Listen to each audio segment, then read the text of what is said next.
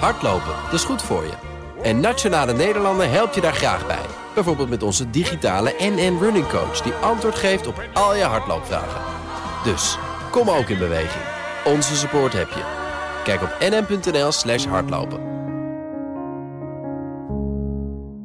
De column van Marianne Zwagerman.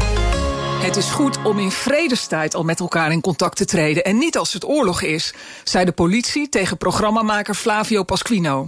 Er rijdt steeds een politieauto door zijn straat. De wijkagenten wil weten waarom hij op YouTube een podium biedt aan complotdenkers. Op zijn vraag wat dat zijn, antwoordt zij: mensen die volledig tegenovergesteld doen en denken als wat de overheid verwacht. Wacht eens even. De overheid verwacht dus dat wij burgers bepaalde dingen denken en als we dat niet doen, komt de politie aan de deur?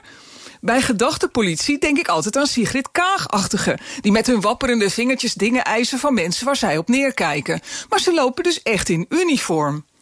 Door wie wordt die stuntelende wijkagent toch gestuurd, vroeg ik me af... toen ik het filmpje keek van hun gesprek dat Pasquino online gooide.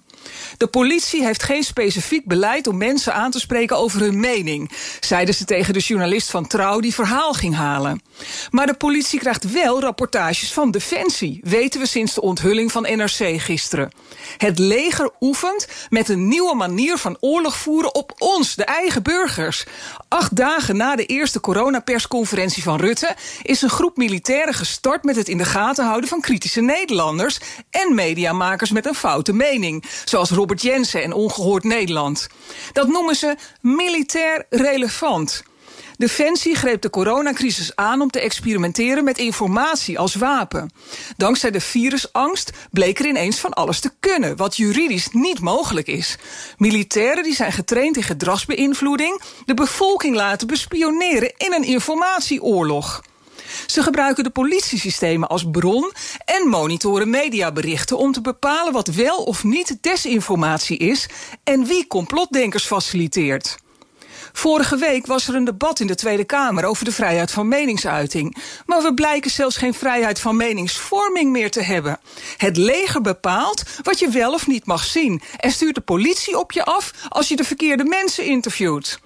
Pasquino had voor zijn politiebezoek 5000 abonnees op YouTube. Een week later zijn dat er bijna vijf keer zoveel. Als Rutte denkt dat je complotdenkers bestrijdt door stiekem het leger op Robert Jensen af te sturen, hoop ik maar dat het nog even geen echte oorlog wordt. Hardlopen, dat is goed voor je. En Nationale Nederlanden helpt je daar graag bij. Bijvoorbeeld met onze digitale NN Running Coach... die antwoord geeft op al je hardloopvragen. Dus, kom ook in beweging. Onze support heb je.